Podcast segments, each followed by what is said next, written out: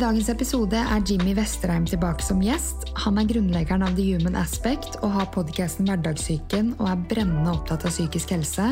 Derfor var det helt naturlig å spørre om han ville belyse årets tema, som er Vi trenger å høre til lag plass. For om noen uker begynner markeringen av verdensdagen for psykisk helse i Norge, og 10. oktober hvert år markeres verdensdagen i over 150 land. Årets tema minner oss på at vi er sosiale skapninger som trenger samfunnet rundt oss. Fellesskapet som vi er en del av, enten det er familien, idretten, vennegjengen, kjæresteforholdet eller arbeidsplassen, gir oss en plattform for å dele våre tanker, følelser og bekymringer, og det er i disse fellesskapene vi finner støtte og forståelse. Vi mennesker kan oppmuntre og motivere hverandre til å sette mål, forfølge interesser og takle utfordringer, og dette kan være avgjørende for å oppnå god mental helse. I tider med personlig krise kan støtte fra andre være helt avgjørende, og vi vet at det kan hjelpe en person med å komme seg gjennom vanskelige perioder og unngå alvorlige mentale helseproblemer. Og vi vet også at åpenhet bidrar til dypere forbindelser, bryter ned barrierer og kan inspirere andre til å søke hjelp. Jeg mener at å dele erfaringer og bygge broer til andre kan skape sterke bånd og styrker følelsen av fellesskap, for selv om vi alle har unike livshistorier, er våre grunnleggende ønsker og behov ganske like. Til syvende og sist søker vi alle etter tilhørighet. Velkommen tilbake til Inspirasjonsbåten. Hjertelig takk. Det, jo, det forsvant fort, det året der. Ja, det er faktisk snart et år siden jeg har møtt deg, og det føles jo på en måte ikke sånn. Eh, jeg føler egentlig at jeg har møtt deg mange ganger før. Det husker jeg første gang jeg møtte deg, at eh, du virka som en venn jeg bare ikke hadde møtt før. Så, det, er fint uttrykk. Det må vi begynne å bruke mer. Ja, Og så kom du gående mot meg i dag, og det var liksom naturlig reaksjon og bare Jimmy! Mm, hyggelig.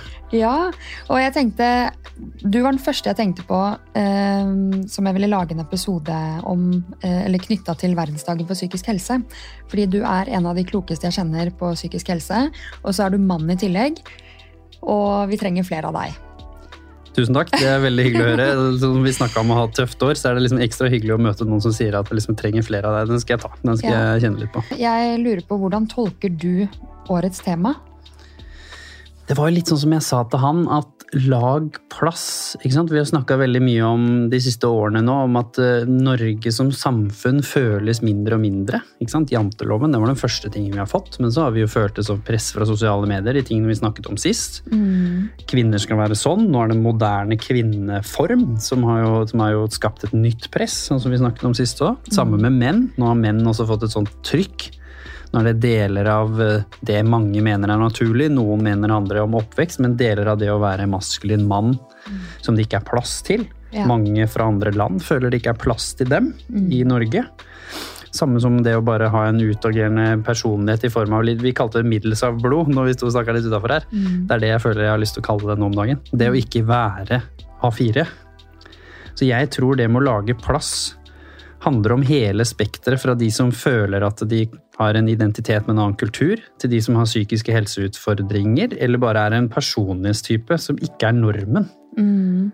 Tror jeg det handler om. Så vi må lage plass til at vi er forskjellige, men møte det med en form for varme og respekt, uansett hvor vanskelig det høres ut som. Mm. Så tenker jeg det er det jeg har lyst til å putte inn i det temaet. Det var godt uh tenkt, egentlig. Jeg må tenke litt mer på den, for jeg har veldig mange tanker i hodet samtidig.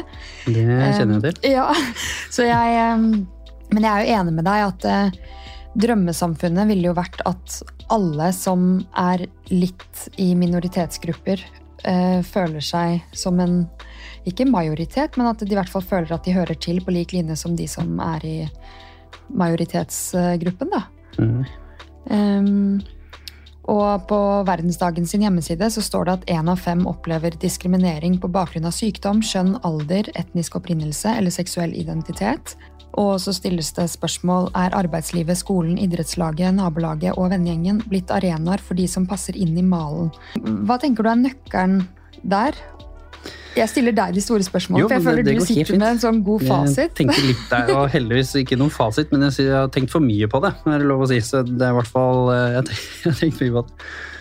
Men det som er litt interessant å ta med i den her, det er å titte litt på det jeg føler vi kanskje ikke gjør ofte nok. Og det er å se hvor er samfunnet nå? Vi snakka litt om det i forrige episoden også, og det er det har skjedd veldig mye siden du og jeg gikk på ungdomsskolen eller barneskolen. Da var Norge et samfunn hvor det var veldig mange flere voksne mennesker som var tilgjengelig for deg som barn.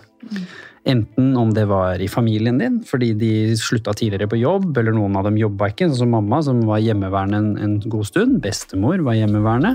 Kunne jeg gå dit. En liten periode var tante der, en periode var onkel vaktmester på skolen. Altså, ting var nærere, og jeg kjente foreldrene til vennene mine. Fordi der spiste vi middag. Det var jo helt vanlig. Der var man inkludert. Så alle disse voksenpersonene som var rundt barn, som også var en del av å korrigere barn, som er jo det samme som det afrikanske proverbet som er takes a village to raise a child, det, det var veldig dominerende, spesielt utafor store byer. Men det var også til stede under store byer, vil jeg påstå, for 20-30 år siden. Mens nå Foreldre jobber lenger, besteforeldre jobber lenger, vi jobber mer. Alle jobber, på en måte. Ikke alle, jeg vet det er 600 000 som, som også som mamma og som andre som står i uførebiten, men de også er opptatt med noe, eller er ikke nødvendigvis knytta på heller. Så hvis du putter det bak, og så leser du det som står på den sida en gang til, da tar man inn at oi, den rollen skolen har, idrettslaget har, SFO, ikke? Og ikke minst systemene, hvis det sklir og ting er vanskelig, om det er integrasjonssystemet, om det er barnevernet, eller om det er Nav, eller hva det skal være. Plutselig skjønner man at det menneskelige behovet vi har, det har jo ikke endra seg. Jeg har jo like mye behov for å bli sett og hørt som jeg hadde for 20 år siden. 30 år siden. Ja, ja. Men hva skjer da når alle de voksenmenneskene som du og jeg hadde, ikke er der? Mm. Jo, da søker vi jo alle disse systemene, og så plutselig så kjenner lærere, Nav-arbeidere, rådgivere, kollegaer på jobb plutselig på sånn Dette var ikke det jeg signa opp til. Har skolen fått for mye ansvar i, i barneoppdragelsen, tenker du? Ja, altså, og, og vi har, uten at det var med vilje, gitt det fra oss. Mm. Sant? Fordi vi ville ha dette moderne samfunnet. Og så bare glemte vi underveis å snakke om hva er konsekvensene av det moderne samfunnet. Mm. Du som er mor selv, og som har kjent på den, liksom, hva som skjer med deg når du blir mor eller far eller får din egen familie, er jo den behovet for at nå er det noe annet som er viktig enn å bare oppnå noe. Du tok jo et stort valg i fjor hvor du liksom gikk ned i arbeidsprosent og lønn og ting som gjorde at du ville nå skal jeg bruke mer tid med de. Men det er jo sjelden. Det er selvfølgelig et privilegium å kunne gjøre det, men det er mange flere av oss som kan gjøre det, som velger å ikke gjøre det. Ja, hvor vi heller søker jaget videre, sånn som jeg gjorde i shipping også når jeg var yngre. Det er akkurat det. Og det er det at det, jeg syns det er synd at man skal skape seg en familie som er grunnleggende for veldig mange av oss. At vi skal lage vår egen flokk. Og så ender vi opp med å føle at vi må prestere på hjemmebane, noe som er et eget yrke i seg selv. Eh, I hvert fall en fulltidsjobb. Ja, og eh, arbeidsplassen. Eh, du skal eh, gjerne connecte med vennene dine. Og Og hvor ofte gjør du det? Hvor ofte ser man vennene sine lenger? Ikke sant? På den. Ikke fordi man ikke vil, men fordi vi alle som venner har det samme livet. Jeg kjente på det tidligere i år, at jeg har egentlig vært veldig sosial, invitert venner ofte hjem til meg på middag midt i uka. Men så fikk jeg meg en psykisk knekk selv før sommeren, hvor jeg begynte faktisk å revurdere vennskapene mine. Jeg var på et så dårlig sted mentalt. Det er jo lett å plassere det et annet sted. ikke sant? Å ja, de tok ikke initiativ. Nei, nei, ser du, de sa nei til å komme. Å nei, de var busy. Ja. Og de ringte ikke meg, jeg ringer de. Det, det er jo, da ser du verden gjennom helt andre briller. Det er akkurat det, og det kjente jeg veldig på at eh, jeg har egentlig aldri følt meg ensom over lang tid, men de seks månedene da kjente jeg virkelig på en sånn ensomhetsfølelse som jeg ikke har kjent på ever, selv om jeg har familie, selv om jeg har partner. Det er det som er ensomhet. Det er ikke at du er alene. Nei. Det er at du føler deg ensom, som er jo kjernen i dette temaet. Ja. selv om du kanskje er rundt mennesker og du er i, i du jobb eller kollega eller familie eller vennskap, så er det ikke sikkert at det er skapt plass for deg å være deg. Også når du har det vanskelig. Mm. Da blir man ensom. Og det å holde tilbake, liksom, liker egentlig vennene mine meg? Kan jeg vise mitt sanne jeg til de rundt meg? Hvor godt kjenner de meg egentlig? Mhm. Eh, Så jeg måtte på en måte bruke i praksis det jeg vet av eh, utdanning og gjennom kloke mennesker, at eh, bruk vennene dine når du har det vanskelig, snakk med dem. Men det, det var vanskelig å kjenne på når det kom til seg selv, og være åpen om at man var på et mørkt sted og føler seg ikke inkludert. og Det er jo ikke det inkluderende samfunn. Det som sier, du har jo sikkert noen veldig gode venner også, som ikke jeg nødvendigvis kjenner, men du, de fleste av oss har noen som Mm. ville hadde stilt opp hvis vi liksom sa du, nå brenner det ordentlig på liksom, Nå er det ordentlig ille. Men vi går jo sjelden fra å være den personen som stort sett har hatt det greit, og som har vært positiv, og som har fått til mye, til å plutselig si nå er det så ille at eh, jeg tror du må avlyse det du hadde tenkt å gjøre i kveld for å være med meg, Mm. min kjære beste venn. Ja. Når er det man sier noe sånt? Nei, det er det. Det sitter langt inne. og jeg følte meg til bry, og nå skjønner jeg liksom alle de tingene jeg har blitt fortalt av elever eller andre gjester i podkasten om at eh, de føler seg til bry, men hvis man klarer å se forbi at du er ikke brysom bare fordi du viser at du trenger vennene dine litt ekstra nå. Det er jo Um, egentlig det motsatte. Det gjør at vennene dine har de sagt til meg, da, de gangene jeg har gjort det. For jeg er også den personen som vanligvis blir spurt om hjelp hvis jeg liksom skal putte meg selv i en boks. Spesielt nå, når jeg på en måte lever av å snakke om dette og jobbe med dette. Men de gangene jeg har liksom klart å vært sårbar nok da, til å ta tak i ting selv, som har vært veldig vanskelig det siste året også, som jeg har snakket om med deg her ute, så føler jo de seg mer myndiggjort. Det er jo akkurat som jeg hjelper de i samme slengen som jeg hjelper meg selv. Ja, For de blir sånn Oi, jeg får lov å hjelpe. Jimmy, liksom. Ja. Ja, Men hva tenker du sånn på samfunnsnivå? Eh, hvordan samfunnet er bygd opp? Eh, du snakker om det moderne samfunnet.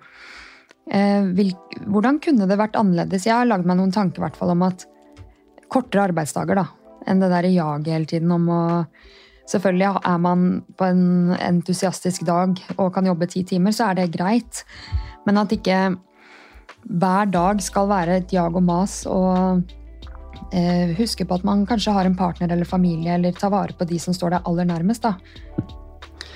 Altså, jeg tenker nå Kjernen ligger litt i det temaet som vi har her nå. Vi må bygge tilbake de communitiesene, de møteplassene, de stedene hvor man får lov å være seg selv, men hvor man også får lov å tenke på noe annet.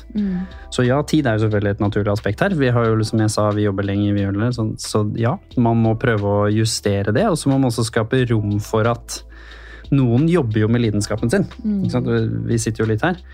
Andre jobber med jobben sin for å gå hjem til lidenskapen sin, som er familien eller Ja. hobbyen sin. Og begge disse tingene skal være veldig greit. Og da må man også lage rom for at alle disse forskjellige skal kunne koeksistere.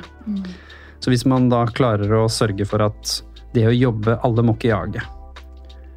Noen kan jage hvis de vil, og andre kan få lov å se på jobben sin som noe som er ok, greit, jeg trives med kollegaene, føler meg utfordra, men det er Og så har du noe annet som er det som driver deg som menneske. Og ikke se ned på det, for nå har liksom karriere, entreprenørskap, sosialt entrep altså, Det er visse bokser som har blitt løftet opp som om at det er det du skal hige etter. Er du ikke der, så har du ikke verdi. Det er veldig viktig for meg å få tilbake yrkesstolthet. Og gjerne få tilbake yrkesstolthet i yrker som er helt avgjørende for at samfunnet skal gå videre.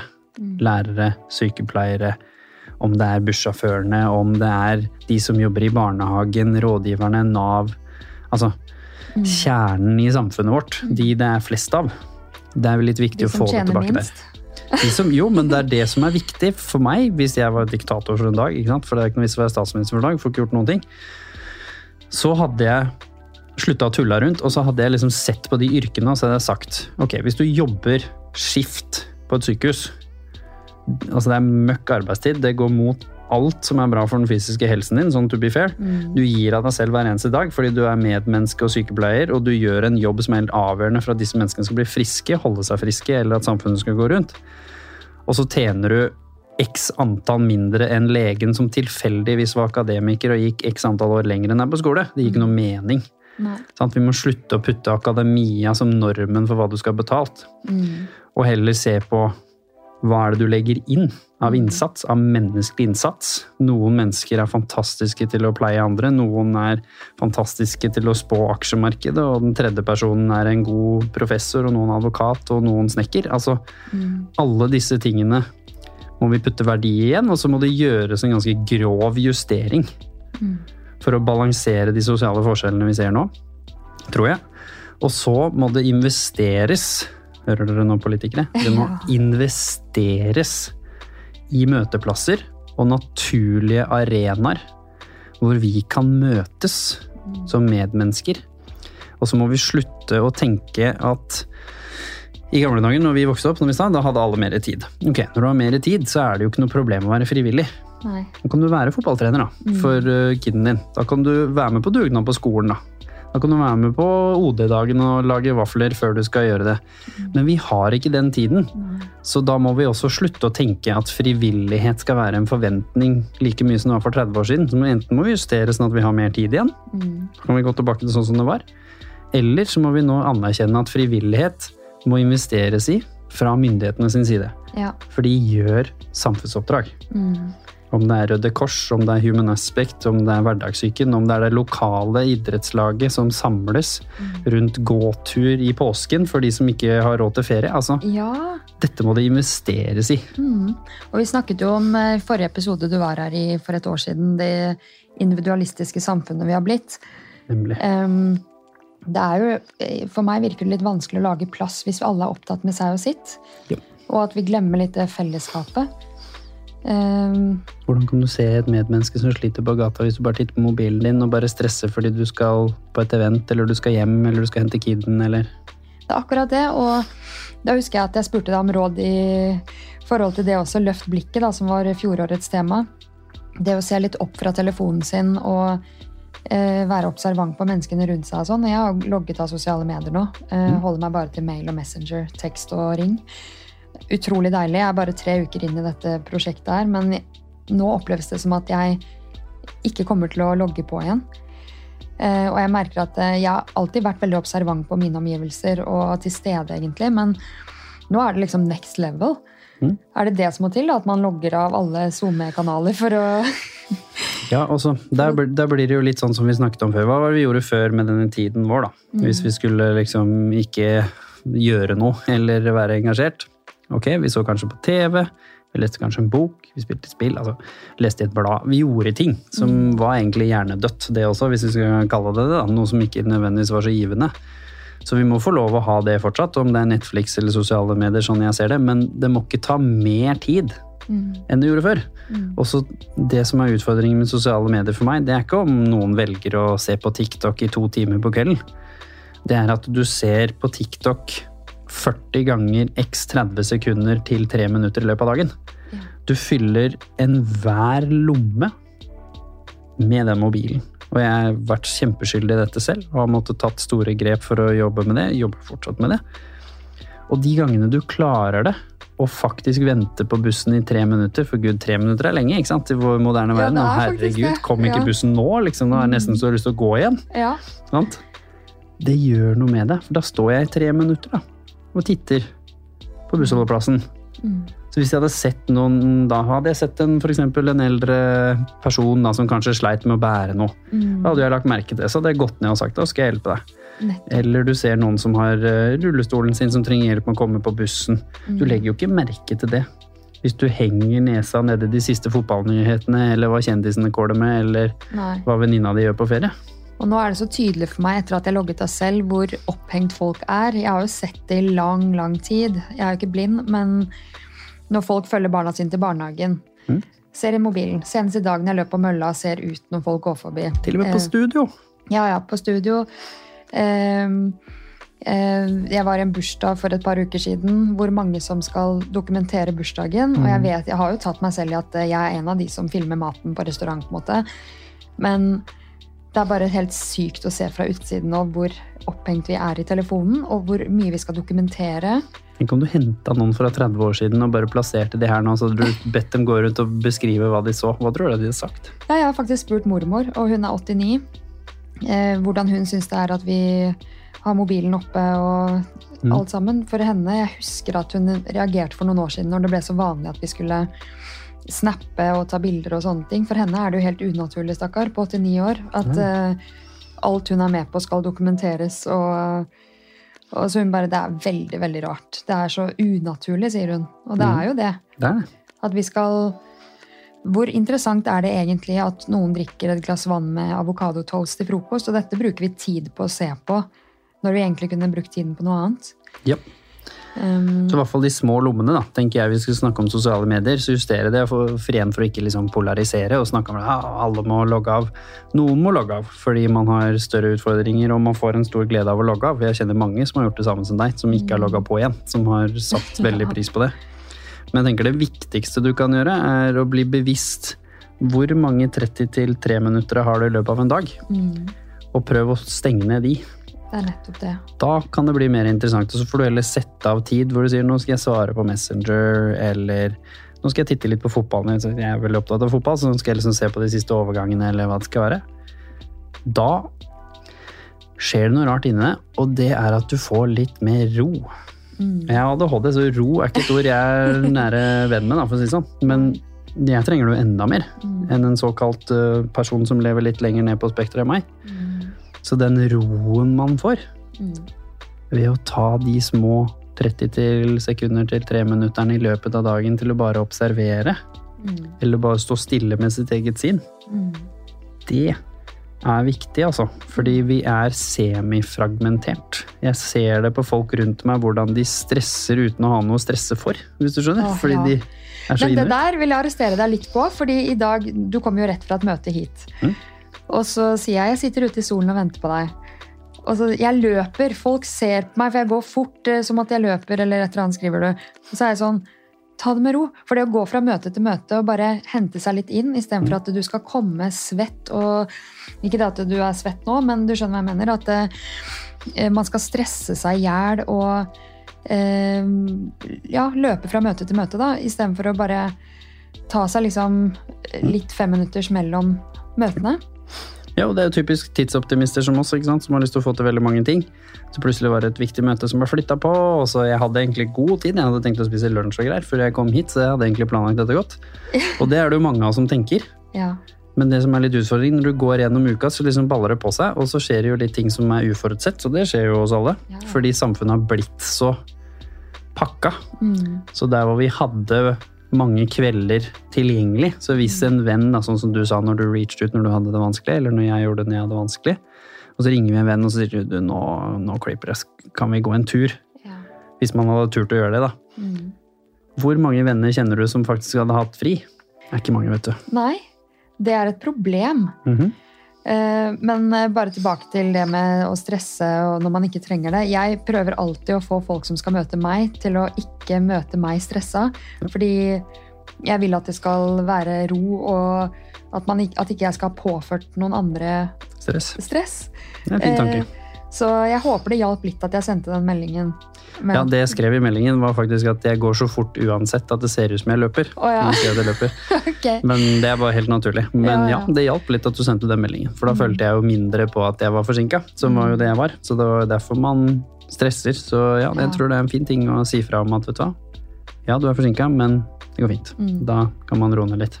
Men du og jeg er veldig åpne typer. Vi kan få folk til å åpne seg veldig fort, som vi har snakket om. Vi snakker om det dype på ett minutt. Vi trenger ikke å liksom ha den der bli kjent-praten i forkant omtrent. Men så er det jo folk der ute som ikke har opplevd eh, psykisk uhelse før. Eh, Hvordan kan de bidra til å lage lageplasser og støtte de som trenger det, hvis ikke de er kjent med hvordan det vil si å ha psykisk uhelse? Ja, nå tror jeg de fleste som på et eller annet vis er kjent med det, enten som pårørende eller seg selv, men de som kanskje ikke har vært så bevisst på det, som vi snakket om i stad, som kanskje ikke aktivt har reflektert rundt det eller tenkt på det som akkurat psykisk uhelse, så er det det å Hvis du skal lage plass til å kunne ha samtaler som er dypere, som jeg tror det er det samfunnet vårt virkelig lider av å ikke ha, det har ikke bevissthet, som vi snakket om i stad, fordi vi putter eh, bevisstheten eller fokuset vårt ned i en million ting, så du blir fragmentert. Den andre biten er jo at vi har jo heller ikke tid. Så når du møter bestevennene dine, da, så er det jo gjerne kanskje til en middag. Det er til en lunsj som er på 1 time og 15 minutter før du skal altså, Ja. Så vi må lage flere møteplasser som er ikke tidsubestemt. For vi kan jo ikke lege, leve i en verden heller hvor liksom alt skal være tidsubestemt. Men vi kan lage litt lengre ting. Ja. Sånn at hvis vi skal møtes for å ha aktiviteter, er noe av det beste du kan gjøre for din egen psykiske helse, fordi du får muligheten til å tenke på litt andre ting. Så hvis man har det litt vanskelig, så får man en liten pause. Men det er også de beste arenaene hvor samtaler kan naturlig oppstå. Mm. Om det er bare når du skal skifte for å gjøre et eller annet, eller Om det er for reisen for å komme til aktiviteten, eller hva det skal være. Så det i de rommene der Legg mobilen vekk.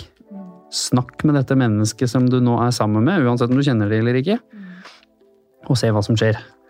For da kan det hende at det dukker opp disse tingene. Og prøv å unngå å ha ting rett etterpå, som er sånn at du må gå. Ta heller og ha det sånn at ja, du skal hjem og lage middag, men det må ikke skje akkurat 18.15. Nei. Ikke sant? Så da får man mer av den plassen, tror jeg. Altså hvis mennesker som også kanskje ikke har opplevd så mye, men som har litt mer overskudd, vi trenger jo de òg. Det er kanskje de vi trenger ekstra nå. Prøv å være det mennesket for de rundt deg. Som stresser litt mindre, men som viser det med kroppsspråk. At hvis jeg stiller deg et spørsmål hvordan går det med deg i dag eller denne uka, vis med kroppen din at du har ikke tenkt til å løpe til et møte. Jeg sitter foran deg, sånn som vi sitter nå, i en sofa her hvor vi sitter litt ned. Litt sånn rolig energi. Prøv å gjøre det. Da tror jeg vi kan lage plass for de samtalene, og det gjelder ekstra mye til foreldre. Partnere, som vi har snakket om her også, det å være i kjærlighetsrelasjoner. Mennesker som tilbringer i utgangspunktet mye tid sammen fra før. Fordi vi alle har jo, eller de fleste av oss har noen vi tilbringer ganske mye tid med. Uansett hvem relasjonen det er. Der er det jo enda viktigere. For det er som du sier, de fleste som er ensomme, de er ikke alene. De er ensomme sammen med andre. Ja, det. Jeg hadde en psykolog i studio her, og etter innspilling så snakket vi om eh, menn og følelser. da. Han her er en tobarnspappa oppe i 50-årene. Og han sa at eh, hver uke så spiller han fotball med en gjeng eh, mannfolk. Um, det er fast aktivitet hver uke. Men han aner ikke hvor mange barn det er, om de er skilt eller gift. De Og, han har spilt, og de, de har spilt i 14 år. Og de, de snakker ikke om følelser. Men, eh, og han sier det at det hadde bare vært rart å begynne å snakke om det i garderoben når de skifter. Og, selv om han er jo psykolog og har kunnskapen. Og, men han sier at det hadde vært litt rart hvis jeg skulle vært sånn Unnskyld, eh, hvor mange barn er det du egentlig har? har du? Så er det sånn eh, Du som er opptatt av menn og følelser, da. Hva, går vi fremover, liksom? Eller Nei. går vi bakover? Nei, vi gjør jo ikke det. Eller jo, det, vi går alltid fremover, på en måte. Eller vi går i hvert fall et eller annet sted. Om det er fremover til siden eller bakover, kan man jo evaluere senere. Det er jo litt trist at det vet du gjerne ikke svaret på før historiebøkene skrives. Men vi går i, fremover i et samfunn hvor man snakker mer om psykisk helse. Det gjør vi jo. Og vi snakker jo om temaene mye oftere enn din eh, mormor, da, som du sa på 89 gjør, og noen gang har gjort. Men vi snakker om det mer i overflaten, fordi vi har ikke tid. Så derfor så blir det Du kommer ikke frem til det som har verdi. Som er jo ikke å si at du har depresjon, eller at du har angst, eller at du føler deg ensom. Det er jo å fortelle hvorfor det. Hva er det du føler? Hvordan har du det når du føler det? Hvordan er kroppen din? Altså disse klassiske spørsmålene som en psykolog ville ha stilt deg. da. Du trenger jo ikke å være psykolog for å snakke om de tingene. Så det å liksom snakke med menn da, som f.eks. driver med idrett eller aktiviteter for å stereotype litt, eller om man gamer sammen, eller om man spiller sjakk eller spiller musikk, eller hva det skal være. Jeg har hele mitt liv hatt gode samtaler. Ikke på banen, for da må du konsentrere deg om det du holder på med, eller på scenen eller øving, eller hva du holder på med, men mellom, som jeg sa. Om det er bilturen, om det er litt i garderoben. Garderoben er et litt sånt merkelig sted for menn. Det er trist å si, men der har vi langt å gå. Jeg har hørt mye rart. Jeg vurderte en periode å lage en, en, en Instagram-konto som het Ting i garderoben, for å sette søkelys på hvor mye dumt som skjer i garderoben, som jeg forstår ikke stemmer. Du merker det på menn at de, de er usikre, og så setter de seg selv litt opp, og så er det en som tøffer seg, og istedenfor at den andre blir litt sånn voksen og sier du Nei, det var jo ikke noe Det var jo ikke noe kult sagt. Så fyrer de opp eh, hverandre litt, og jeg har også hørt fra venninner at det er ganske likt i kvinnegarderoben på en annen måte, men at man snakker på en måte som ikke er helt uh, nyttig, da. Og hvis vi liksom fyller det rommet der og tør å utfordre hverandre litt mer med, som du sier, at jo, du spiller fotball sammen, men det er også en arena for å bli kjent. Det er også en arena for å være sosial. Så hvis du spiller fotball med noen og ikke vet hvor mange barn de har, eller om de har barn i det hele tatt, eller på en måte ting som er relevant annet enn hva de jobber med, for det er jo egentlig ingen som bryr seg, så er det på tide å gjøre noe med det. Ja, tenker jeg. Så må du være litt tøff. Jeg møtte faktisk en av de jeg spilte fotball med, som på liksom, hobbybasis etter at min karriere var over. Så eh, her nå nettopp, da hadde jeg ikke sett han på mange år. Ah. Det var så fint å møte han og bare se den reisen han har vært på. Som har blitt mye mer åpen om disse tingene, og som syntes det var mye mer gøy med det vi drev og liksom hadde fulgt eh, godt med. da. Mm. Og bare se at hvis vi tør å være sårbare og tør å møte det som mange har møtt i covid i døra, altså de spøkelsene og traumene og utfordringene vi har med oss, så kan vi jo bygge en rikere, sterkere, mer robust, men også fryktelig mye mer interessant personlighet, Ja. tenker jeg. Så det er liksom ta utfordringen fordi du har lyst til å bli en mer spennende menneske, ikke Mm. nødvendigvis bare fordi det er trendy å snakke om psykisk helse akkurat nå. Nei, men har du møtt litt sånn rare blikk eller noe kommentar på at du er veldig rett fram og åpen, og du er en voksen sjekkmann som snakker om psykisk helse? Er det liksom noe du ja, har blitt møtt med som litt sånn Ja, altså Noen ganger så tenker jeg at jeg får altså, ufortjent mye skryt, fordi jeg er blitt så vant til det. Så da får man liksom mye skryt fordi det er så sjelden, og fordi jeg er mann, og fordi jeg fortsatt er ung. og selv om Jeg begynner med 36, jeg vet ikke hvor lenge jeg får lov å bære det. Jeg er ikke ung i DNB lenger, men nok om det. Så jeg er nok ung. Ja. Så, så er liksom det der med at ja, du får det, men fordi jeg er så trygg i det, Mm. Så selv om jeg ser at jeg har lyst til å reagere når jeg holder foredrag eller liksom snakker hvor jeg skjønner at liksom, det er jo alltid en i rommet som jeg syns er ukomfortabelt, Ja. så er det akkurat som om at den tryggheten jeg har i å snakke om det, gjør noe med de. Mm. Det er akkurat som om ikke det eksisterer det som hadde eksistert antagelig, hvis jeg var veldig utrygg i å snakke om det. Det har tatt lang tid, Nå gjør vi det. Jeg husker jeg hadde en talk for en bedrift som var en stereotype drift hvor liksom, det var 95% menn i det rommet. Og det var 95% menn som også er litt kanskje som har jobba litt ekstra med henda, og som, som har vært i stereotypen. da. Ja. Manne, mannemenn i den stereotype sangen. Mm. Og når jeg var ferdig jeg var veldig sånn inni huet mitt, litt sånn overtenkt inni huet mitt. bare sånn, Hvordan går dette her, liksom? Det er jo liksom marerittpublikum å snakke til, på en måte. ja. Og så spurte jeg til slutt da han ene lederen liksom få litt sånn, sånn feedback. Har dere noen spørsmål? Liksom, hva, hva syns du om dette? Og så åpnet han seg på en litt sånn keitete mannemåte, hvis man skal stereotypisere igjen. Men han gjorde det Mm. foran alle sammen. Mm. Og sa ja, nei, jeg har jo også vært gjennom en tørn som dere vet, altså for fem år siden når jeg var sykemeldt. og liksom... Mm. Så plutselig så liksom snakka han litt, men med litt av, jeg hørte at han hadde lånt noen av mine ord. Ja. Sikkert ord han ikke hadde. ja. Og det det var så, så fint. Jeg vet det. Det der er så gode opplevelser. Jeg er veldig åpen av meg på arbeidsplassen og på veiledningstimer og overalt. Og jeg merker at det blir tatt imot veldig godt, da. Men så kan jeg også noen ganger bli møtt med eh, Hvis jeg stiller et egentlig for meg vanlig spørsmål som handler om hvordan man har det, eller noe.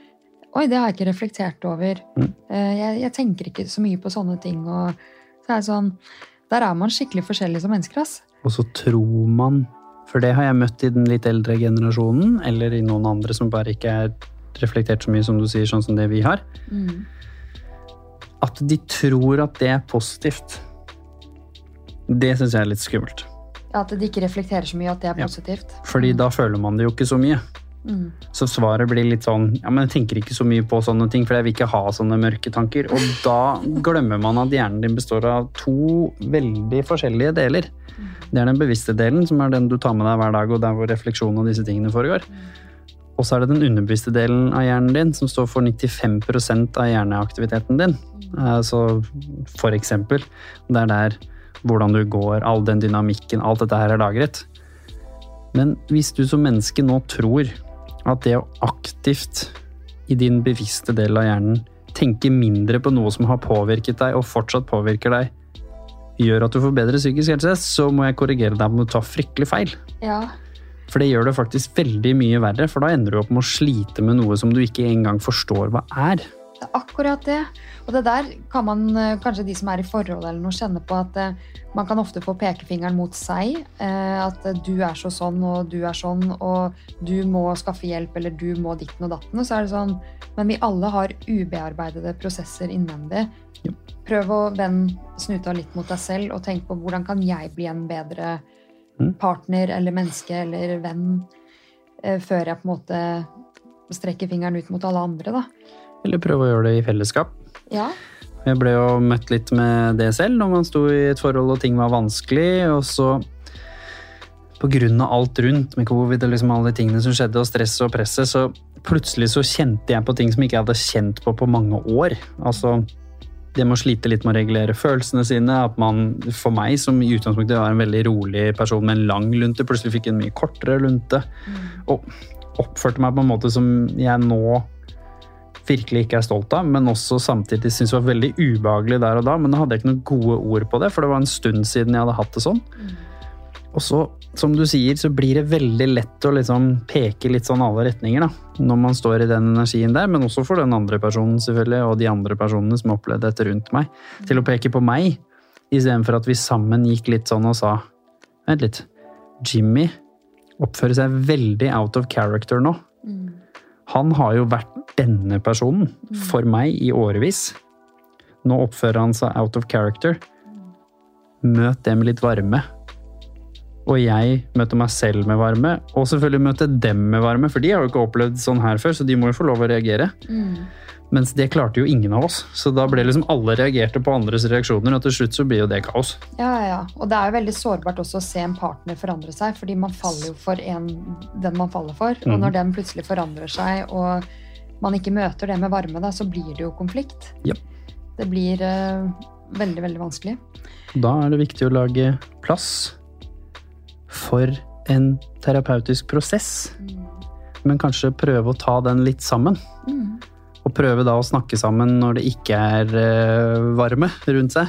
Nå fikk du meg til å tenke på hva, hvordan jeg tolker årets tema. Fordi det er ikke bare det å lage fysisk plass til de som står utenfor, men faktisk det å lage plass for de vanskelige samtalene, eller Mhm. lage plass for eh, det som er ubehagelig, eller Ja. Det, Det der det er Da hjalp du meg inn på det jeg egentlig har tenkt er årets tema. Mm. Eh, fordi i hverdagen som er så hektisk, så er det vanskelig å lage plass for de dype samtalene. Og nei, vi tar det i morgen, vi er så trøtte, eller Mhm. det er mye på jobb. Men så er det egentlig det som eh, skjer på hjemmebane eller på privaten, er jo det som står oss nærmest. Og det er jo det som er viktig å ta tak i egentlig først, men så Så tar du med det på jobb altså? Så Da- da blir ja, det ja, så er det en ung ond sirkel. Og så presterer man egentlig ingen steder, selv om man prøver å Man skal ta den samtalen om to uker istedenfor nå, da. Nei, så det var Takk. Du hjalp meg inn på der. Bare hyggelig. Eh, jeg var jo faktisk på noe så sjelden som en liten ferie her, som tok meg litt i sommer. Og da var vi på Madagaskar, og på Madagaskar så er veiene ganske forferdelige, så det tar litt tid mellom sted til sted hvor vi skulle utforske. Så vi satt veldig mye i bil. Så, og dekning er bare å glemme, så da plutselig hadde man fryktelig mye tid som man måtte fylle med noe. Mm.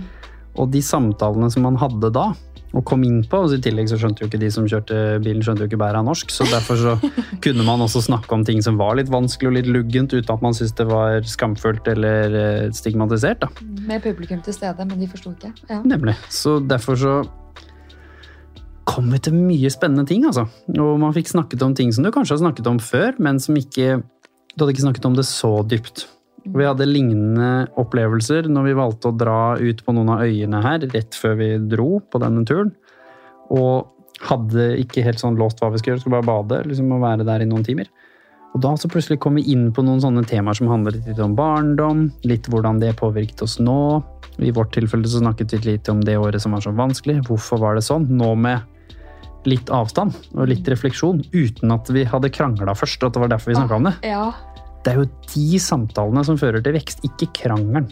Du, du får ikke den andre til å skjønne deg eller komme fram til et eh, nydelig lys som detter ned i huet på deg midt i en krangel, for da er man jo ikke interessert. Man er jo i låst energi, man er sårbar, man er oversensitiv. Mm. Men det å snakke om de kjipe tingene når det er rolig, Mm. det Jeg hørte på en podkast i går med Sissel Gran og Peder Kjøs om dette at forhold handler om vekst hele tiden. Og når man slutter å være nysgjerrig på hverandre og bare lar dagene gå, og sånn, så er det ganske skadelig for et parforhold. Da. Og sånn som dette temaet her kunne man jo enten vinkla inn på ungdomsskoleelever eller parforhold, men jeg tenker vi kan snakke generelt om eh, tema lagplass, fordi vi, vi begge er jo i parforhold, og vi lever i samme samfunn, og du er opptatt av ungdommers psykiske helse, det er jeg også. Men det er liksom eh, vanskelig å bare gå inn på ett tema, merker jeg, på, Ja. på årets tema. Men må vi ikke Er det ikke litt det det handler om, da, som vi snakket om forrige gang? Individsamfunnet. Vi må slutte å tenke at vi må bare begynne med oss selv. Vi må også begynne med oss selv, men vi må begynne med oss selv i relasjon med andre. Mm. Du får jo heller ikke bare jobba med deg selv hvis det eneste du skal gjøre er å tenke på deg selv. Nei. Fordi vi eksisterer faktisk med andre mennesker. Vi har roller i forhold, i familien, på jobben, som fyller forskjellige deler av oss. Mm. Så hvis vi ikke kan snakke om de rollene og de utfordringene vi har med andre, Mm. så blir det ikke så mye vekst, altså. Nei, nei, og vi trenger jo hverandre. Det er jo alltid ordet til verdensdagen, at vi trenger hverandre. Eh, har du en opplevelse, hvor det, gjerne i voksen alder, hvor du kjente at det betød ekstra mye, det å ha noen andre? Du har jo delt i en annen podkast dette med barneårene dine og ungdomsskole, men nå i voksen alder, har du kjent sånn da var det, Nå skjønner jeg hvorfor vi trenger hverandre. Ja, og så heldigvis så skjønner jeg det hele tiden, men jeg er også en av de personlighetene som veldig lett går inn i den tanken om at jeg får til det meste selv, og det gjør jeg jo òg. Og det gjør veldig mange der ute i det samfunnet, for det er jo sånn vi har lagd oss. Men igjen, da når ting var ekstra vanskelig med det med forhold, så har jeg en av mine nærmeste venner som, alt, altså, som har vært en veldig nære venn siden jeg var 12-13, men som bor et annet sted. Så naturlig nok, fordi han har bodd et annet sted og hatt sine utfordringer, så har vi ikke fått snakka så mye sammen. Det har liksom vært stort sett fotballprat og ikke liksom i dypet. Og så snakka vi litt mer da, i den perioden der, og han har vært gift i mange år, så han har mye mer erfaring enn meg i å stå i vanskelige ting i et forhold. Og så var det så fint å få snakka med han liksom fordi jeg stoler på han. Han kjenner meg. Jeg trenger ikke å fortelle hele bakhistorien. Vi har også lagd en episode i Hverdagssyken om det. Menn og følelser. Nemlig. Hvor han også snakket om da det han følte på, som var nettopp det samme. Som var at når han snakker med folk som ikke kjenner kjenner han, så må du Det tar så tid. Du må jo fortelle hele bakgrunnshistorien for å kunne fortelle hva som skjer akkurat nå. Mens med han, å ha noen som faktisk kjenner meg litt, kjenner hvor jeg kommer fra, hvor mye jeg har vokst og hvor langt jeg har kommet, og da kunne fortelle han om det med at jeg slet liksom med de følelsene jeg var mye frustrert og ting som han så da han var en tenåring. sant? For han var jo der.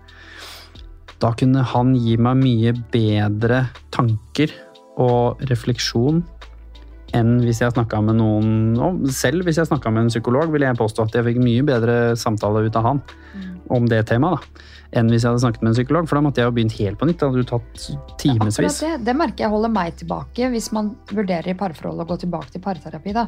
Kanskje det blir en ny parterapeut, eh, og så skal man fortelle alt på nytt. Mm. Det er hassle. Og jeg hadde Aksel Inge Sinding her, som du vet hvem er, psykolog. Mm. Uh, og han, han eh, heier jo på et mer følelsesvennlig samfunn. At vi skal bruke mer venner og familie rundt oss, istedenfor at vi alltid søker til en terapeut. For det er ikke alltid det som funker, da. Nope. Men når det kommer til vennskap, det er jo livsnødvendig for oss. Mm. men jeg hørte at eh, Hedvig Montgomery eh, har sagt at eh, forskningen sier da at man trenger At man Når man har to til seks venner, så er det veldig godt for oss. Mm. Fordi vi ikke har kapasitet til flere.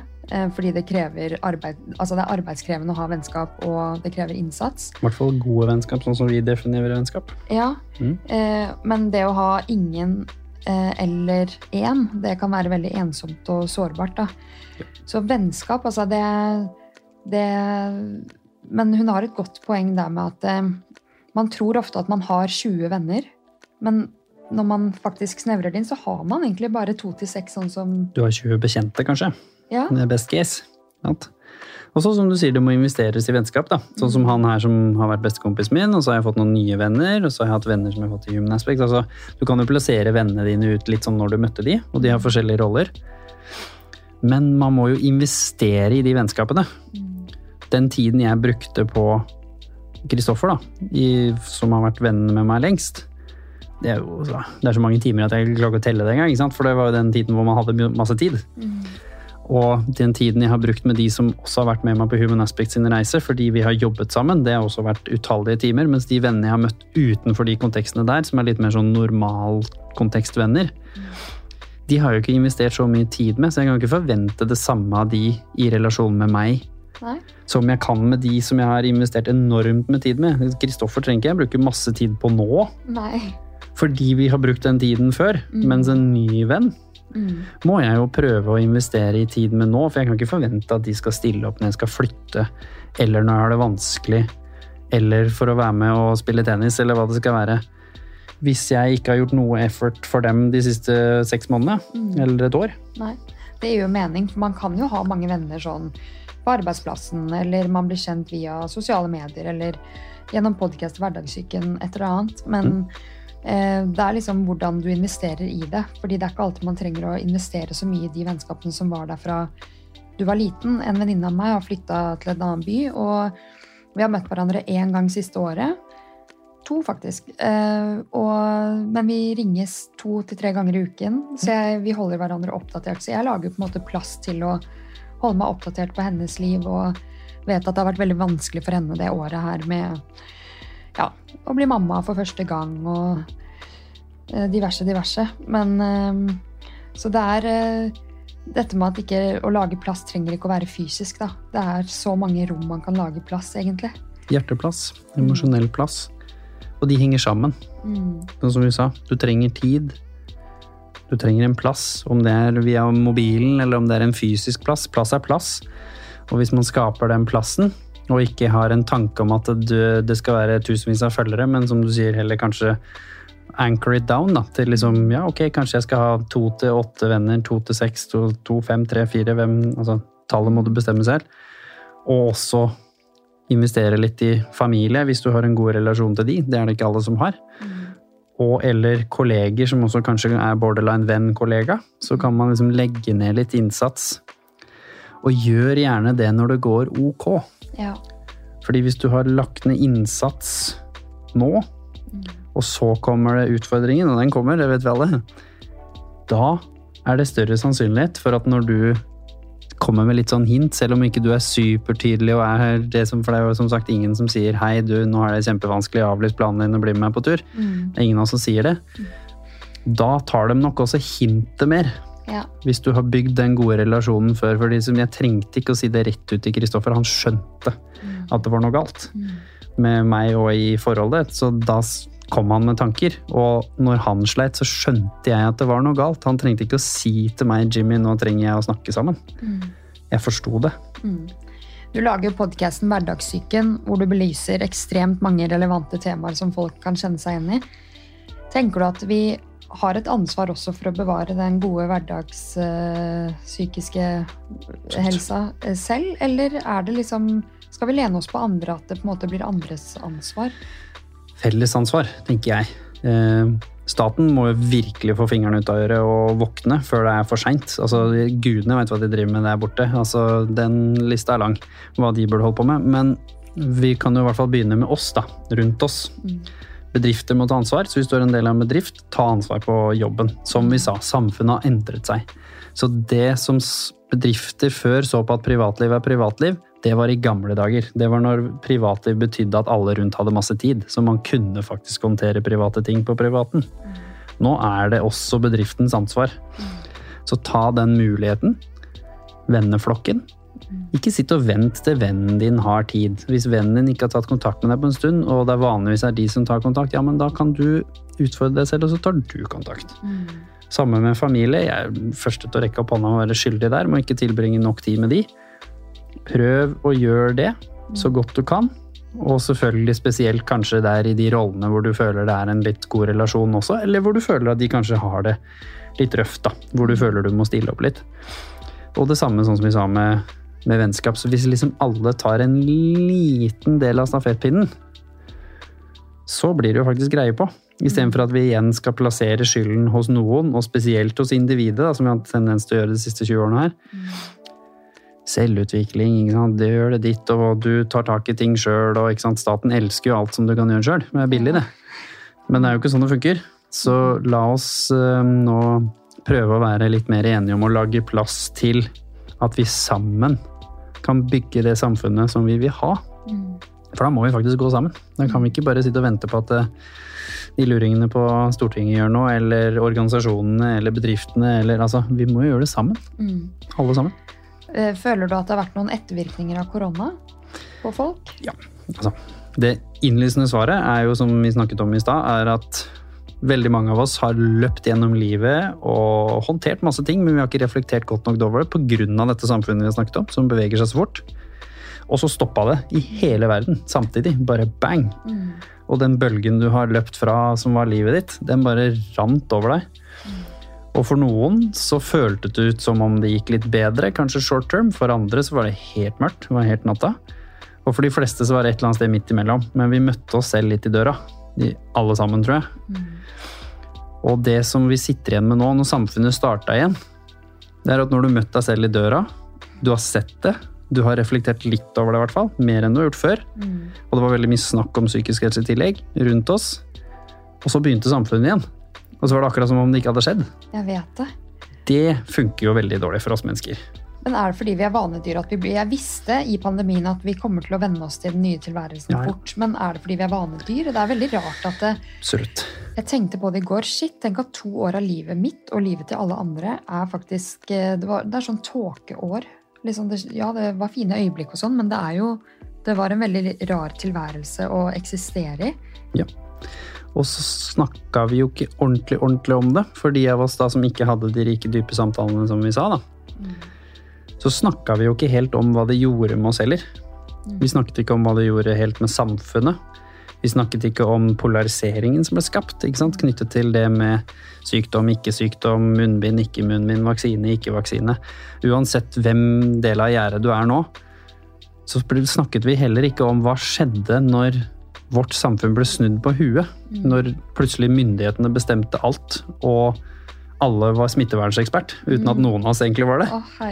Det gjorde jo noe med oss, da. Dette her det skapte liksom Det rista ordentlig i vår eksistens, i tillegg til at det selvfølgelig for veldig mange, dessverre, da, som også følte på både frykt og at man mistet noen og alle disse tingene. Så jeg tror det er viktig å ta inn over oss nå at det kan være en positiv ting. Mm. Hvis det nå fører til at vi forstår viktigheten av å bygge community, snakke dypere, tørre å snakke mer om psykisk helse og ta vare på den mer enn å forebyggende, så kan det bli positivt. Men hvis vi nå, som du sier, bare går tilbake til gamle spor Mm. og bare løper fra det igjen ved å trene mer, eh, ruse oss mer, se på sosiale medier, surre og røre, da kommer dette til å føre til noe som blir en utbrenthet, vil jeg påstå. En emosjonell og fysisk utbrenthet hos ekstremt mange. Mm. Og det kommer til å skje samtidig, for nå ser vi det jo i tallene.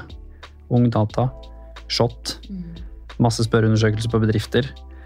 Jeg hadde en episode i går med veterinærer. Der ser man, altså, man ser det overalt. Mm. Så hvis ikke vi tar tak i ting eh, nå, så er jeg dessverre redd for at det da fører til en kjempesmell hvor vi ikke har noe valg å ta tak i det. Så jeg vil jo tippe, litt på lik linje med miljø og andre store utfordringer, er lurt å ta tak i det tidlig. Mm. Og nå er det ikke tidlig lenger, men bedre nå enn om to år, da. Mm. Og du gjør jo en kjempeviktig jobb der. Du har jo en viktig stemme i samfunnsdebatten føler jeg, om psykisk helse. og eh, For de som ikke vet det, da. Vi, du driver Hverdagssyken. Du, er, eh, du starta The Human Aspect. Eh, Hva består hverdagen din av? Hva gjør du? Det er heldigvis fryktelig variert. Det er jo alt fra å spille inn podkaster i hverdagssyken til å gjøre intervjuer som en del av Human Aspect. Det er de to kuleste tingene jeg gjør. da. De to morsomste tingene jeg gjør, for jeg snakker med ekte mennesker. Går i dybden, ting jeg brenner for. Får nye tanker som ikke jeg har hatt før. Men i tillegg til det så er det selvfølgelig veldig mye management. Det er strategi, det er å gjøre store avtaler, finne funding. Så det er å ha møter, sånn som jeg hadde rett for dette her, med en potensiell partner som vi skal hjelpe den bedriften å og snakke om verdensdagen, faktisk, og levere Ah. ting til sine ansatte. Ja. Vi jobber med store prosjekter for videregående og ungdomsskolen. Og så jobber man med nå prosjekter også eh, rundt om i Norge. Vi har samarbeid med noen som jobber med arbeidsinkludering. Mm. Så Human Aspects jobber jo virkelig på et bredt plan, hvor Ja. man ønsker å hjelpe aktører der ute til å stå i psykisk helse og være med å snu og redefinere psykisk helse en gang for alle. Mm. Også eh, globalt, da, for vi driver og jobber med en del ting der nå. Så det er en fryktelig variert, veldig mye der også, men heldigvis er jeg så privilegert at jeg har meningsfull jobb også, hvor mye av det er like mye privatliv som det er altså Sånn som den praten her, ok, det er en del av jobben min, men Altså, nå kunne vi like så godt ha sittet her og snakka med en kopp te og vært venner. Så liksom, jeg putter ikke dette i jobb, jeg blir sliten-boksen. Mm, vi bygger en sterk relasjon, Jimmy. Eh, men siden jeg jobber som helsesykepleier på ungdomsskole ved siden av denne podcasten, så vil jeg jo selvfølgelig bare få noen råd om hvordan kan vi markere denne dagen godt på ungdomsskole eller videregående. Fordi nå har jeg i hvert fall eh, lufta for rektor og ledelsen der at vi, vi må markere på en eller annen måte. Så jeg har bestilt eh, materiale fra Verdensdagens hjemmeside. Men de har jo bare 2000 pakker som de kan sende ut, så jeg var raskt ute der. Men hvordan tenker du at man kan markere det og faktisk eh, sette lys på det på skolene? Litt sånn som du sa, nå har man muligheten til å lage disse rommene og lage denne plassen. Så den første tingen man kan gjøre, er jo selvfølgelig å sette av tid og rom og plass til å faktisk snakke om det. Mm. Om det da er at man inviterer en foredragsholder til skolen sin, det er jo veldig mange av de der ute, og mange av de er veldig flinke, som kommer da med en personlig historie inn i det. Mm. Eller om det er at man gjør aktiviteter som har med det å gjøre. Da trenger det ikke liksom å handle om sykdomsbildet, for husk at psykisk helse er ikke psykisk sykdom. Det er ikke liksom bare det. Psykisk helse rommer jo hele oss. Mm. Så bare det å ha litt dypere spørsmål, altså på ungdomsskolen og videregående, mm. er jo gøy ja. med de unge. Vi har jo selvfølgelig masse ting som folk kan reache ut, hvor vi har programmer og intervjuer og ting vi kan sende dere. Mm som, litt sånn som verdensdagen. Som, du er brukt i Asker kommune, du, da jeg jobber. Nemlig, for ja. eksempel. Mm. Så vi har jo ting. Jeg vet at eh, Mental Helse har ting. Eh, altså Det er jo andre aktører der ute som også jobber med disse temaene. Skeiv ungdom. altså Det er mange som har ting som man kan snakke om. Mm. Men jeg tror den viktigste tingen er å sette ned noen litt engasjerte lærere. Ta gjerne med elevrådet og elevene. Og så sier vi vi har lyst til å gjøre noe. Da lager du det rommet. Mm. Hva skal vi gjøre? Ja. Og så samarbeider man. Og det trenger ikke å være, ikke å være sånn som eh, staten hver gang de har et utvalg, at det tar tre år for å få til noe. Ikke sant? For å tulle litt med det. Det går faktisk an å sette seg ned og møtes to ganger og komme fram til et resultat, og så engasjerer du da både elever, kanskje til og med foreldre, men først og fremst elever og lærere, da, mm. til å gjøre noe. Og så må man tørre å utfordre rektorene sine til å få et lite budsjett knytta til dette her. Så jeg skjønner at skolen ikke har masse penger, men Får du bitte litt penger i det, litt sånn som vi sa, alt kan ikke være frivillighet og være gratis lenger, for det samfunnet fins ikke. Da tror jeg det blir bedre. For da kan man liksom få til noe som ikke bare er å henge opp plakater. Det er veldig nyttig. Men hvis ikke de unge gjør noe med sitt eget hode, hjerte og hender, mm. eller kropp, da blir det liksom bare Da føler nok de unge dessverre at de voksne ikke tar dem på alvor. Det er det vi hører veldig mye, for dette er det temaet det så vi i Ungdata som de bryr seg mest om. Mm. er jo psykisk helse. Det er nummer én. Og så har du liksom miljø som en sånn god rett under liksom nummer én. Så hjelp de, da. Mm. Det er ikke sånn at elevene dine ikke har lyst til å snakke om dette. Det er det de har mest lyst til å snakke om. Du må hjelpe dem. Ja. Du, Det var veldig gode råd. Jeg er så glad du var med å markere litt i podkasten eh, disse viktige ukene. Um, har du noen siste sånn motivasjonsord når det kommer til uh, å lage plass? Jeg tror det viktigste jeg kan si, er lag plass til deg selv. Begynn der. Som sagt, jeg kan også være den første som er streng med meg selv, og som blir veldig skuffa over meg selv hvis ikke jeg får til de tingene jeg ønsker, emosjonelt, eller oppfører meg sånn som jeg vil, eller bare få kalenderen min til å gå opp. Noe så enkelt som det. Så vær litt raus med deg selv, og lag plass til deg selv, og skjønn at du er mer komplekst enn det du drømmer om å være hele tiden. Fordi vi klarer det innimellom, og noen av oss ofte, og andre litt sjeldnere. Men prøv å lage rom til at du er faktisk hele dette mennesket. Jeg er også den som overreagerer og som er frustrert og som ikke får til ting. Og så er jeg også den personen som kan holde et foredrag for x antall tusen mennesker og få til veldig mye på en dag. Begge de to er meg, men jeg må lage plass til hele deg. Jeg elsker at du sier det, for vi er så komplekse. Og vi består av mange lag og mange følelser, og vi må gi plass til hele oss, rett og slett.